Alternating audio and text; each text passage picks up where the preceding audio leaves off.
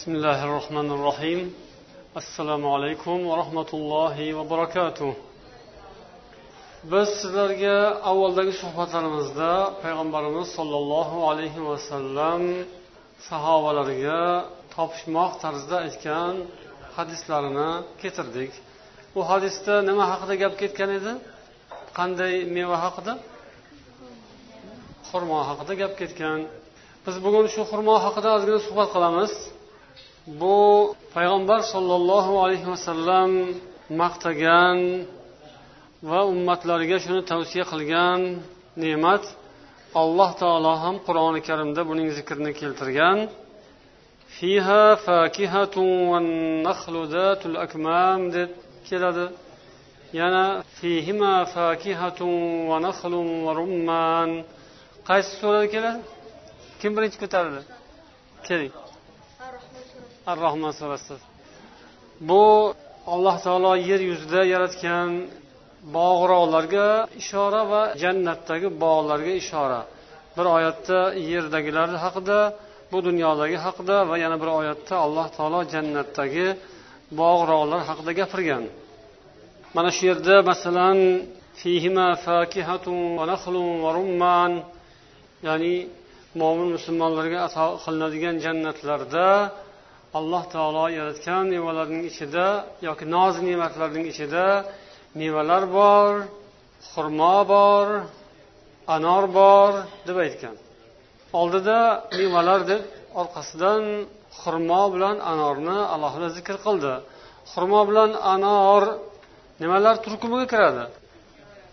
Mevalarga kiradi to'g'ri. Lekin olloh mevalar deb turib orqasidan yana xurmo bor dedi. Xuddi xurmo meva emasdik rumman dedi rumman nima? Anor. Xuddi anor meva emasdik nima uchun? Foydali. Buning ma'nosi shu ekanki ya'ni mevalar deb turib orqasidan xurmoni alohida anorni alohida zikr etishning sababi shu ekanki xurmo bilan anor nafaqat meva. Ya'ni mevaning o'zi emas ekan u balki u ovqat ham ozuqa ham ayniqsa xurmo ovqat o'rnini ham bosar ekan. Shuning uchun payg'ambarimiz sollallohu alayhi vasallam iftor paytida bir necha dona xurmo bilan kifoyalanib shu bilan namozga tarohga yoki qiyomillaylga turib ketaverar edilar deyilgan. إذا كان أحدكم صائما فليفطر على التمر فإن لم يجد التمر فعلى الماء فإن الماء طهور dedilar rasululloh sollallohu alayhi vasallam abu dovud rivoyat qilgan hadisda sizlardan biringiz ro'zador bo'lgan bo'lsa tamir ya'ni xurmo bilan og'iz ochsin agar xurmoni topa olmasa unda suv bilan chunki u pokizadir dedilar Yana boshqa hadislarda ham xurmo bilan og'iz ochishni payg'ambar sollallohu alayhi vasallam juda ko'p zikr qilganlar. Saharlik paytda ham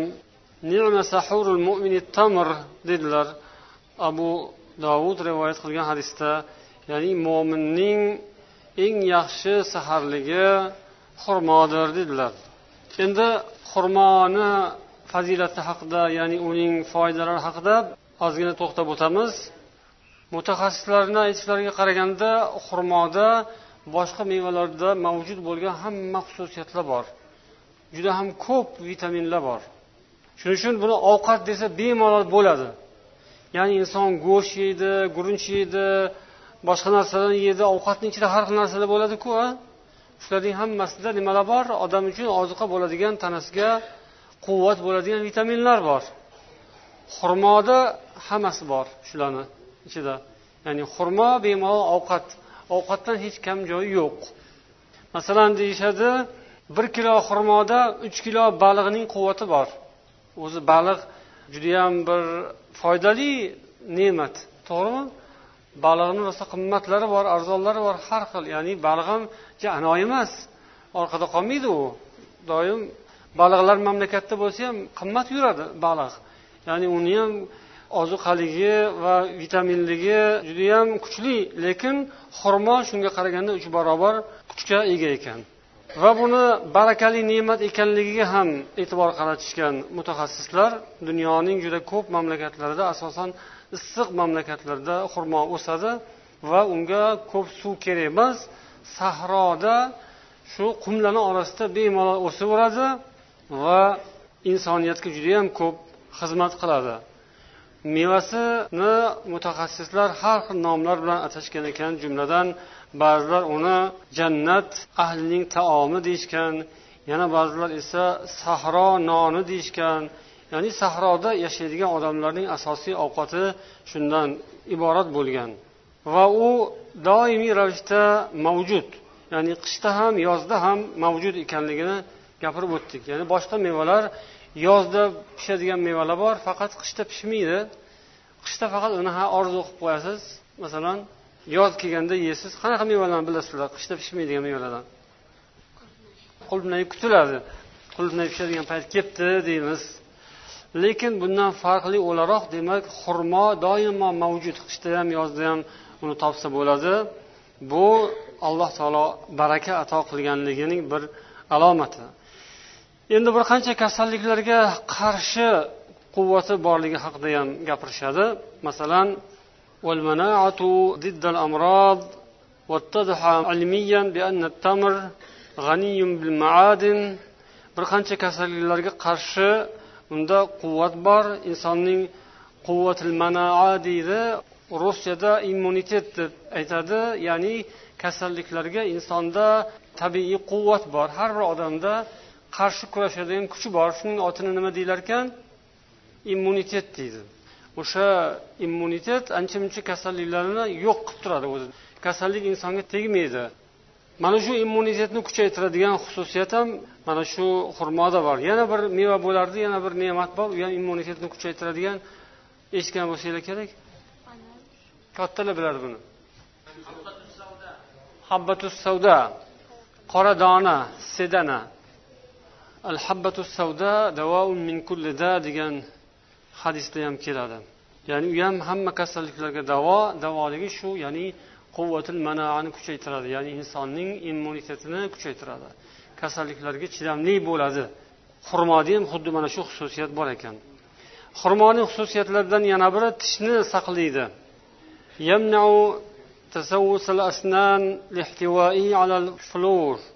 Bu xurmo tarkibida ftor moddasi borligi uchun tishni chirishdan saqlaydi. Tishni himoya qiladi. Undan tashqari xurmo insonni zaharlanishdan himoya qiladi.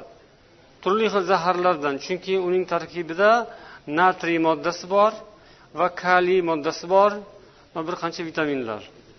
Yana xurmo anemiya kasalligiga davo ya'ni qon kamligi kasalligiga chunki unda vitamin b bor temir va mis moddalari bor. Suyak kasalliklarining davosi bu. Ya'ni suyak chirishi yemirilishi yoki mo'rt bo'lib qolishi mana shu narsalarga ham bunda davo bo'ladi. Chunki unda kalsiy moddasi va fosfor moddasi bor deb yozadi mutaxassislar. Bundan tashqari bu insonda ojizlik quvvatsizlik kasaliga yurak o'ynog'i kasali revmatizm va miya raki kabi kasalliklarga ham davo bo'ladigan modda bor moddasi bor buning ichida. Eng muhimi mudoddun saraton ala selenium.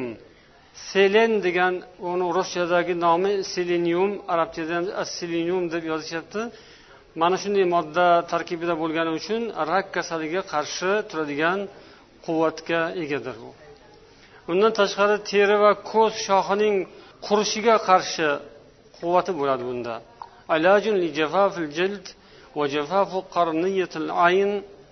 ko'z shohi deb ya'ni aytiladigan ko'zning ichki organlari mana shunga ham davo bo'ladi ya'ni insonning ko'ziga quvvat bo'ladi shu jihatdan olganda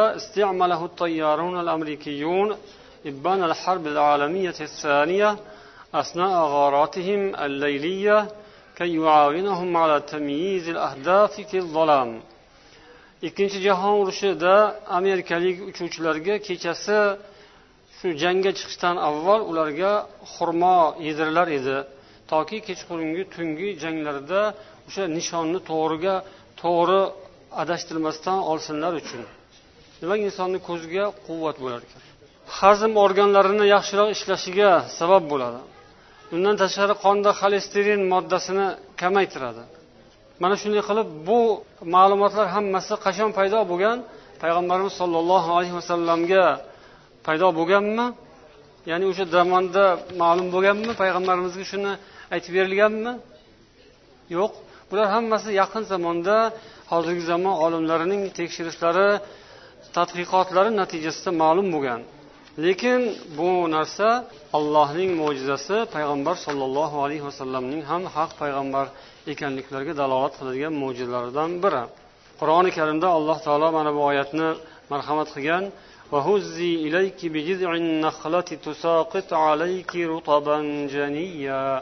Qaysi oyatda bu? Maryam surasida. Yigirma beshinchi oyat. Ya'ni bu kim haqida aytilyapti bu oyat? Maryam onamiz haqlarida qachon qanaqa paytda? Maryam onamiz farzandli bo'layotgan holatlarida maryam onamiz turmushga chiqmasdan qiz bolalik holatlarida olloh u kishiga mo'jiza ato qilib qornida bola paydo qildi. U bola kim edi oti? Bolalar aytasizlarmi? Iso alayhissalomni. Mana shunda olloh aytyaptiki o'zingga xurmoning shoxini tortib silkitgin senga chiroyli xurmolar yog'iladi degan o'sha yerda alloh taolo qurib yotgan xurmoni ko'kartirib unga jon kirgizib barg ato qilib birpasda mevasini ham pishirib bergan. Va o'sha xurmoni daraxtini quruq shoxini silkitganlarida xurmo to'kildi. Mana shundan bog'lab keyin yuqoridagi so'zlarda ham bor edi ya'ni homilador ayollar uchun ham xurmoning foydalari ko'p ekanligi hozirgi paytda ham joylarda doktorlar shunday kasalxonada yotgan ayollarga xurmo berishlari haqida ham yozishgan. Alloh taolo hammamizni haq yo'lga hidoyat qilsin. Assalomu alaykum va rahmatullohi va barakatuh.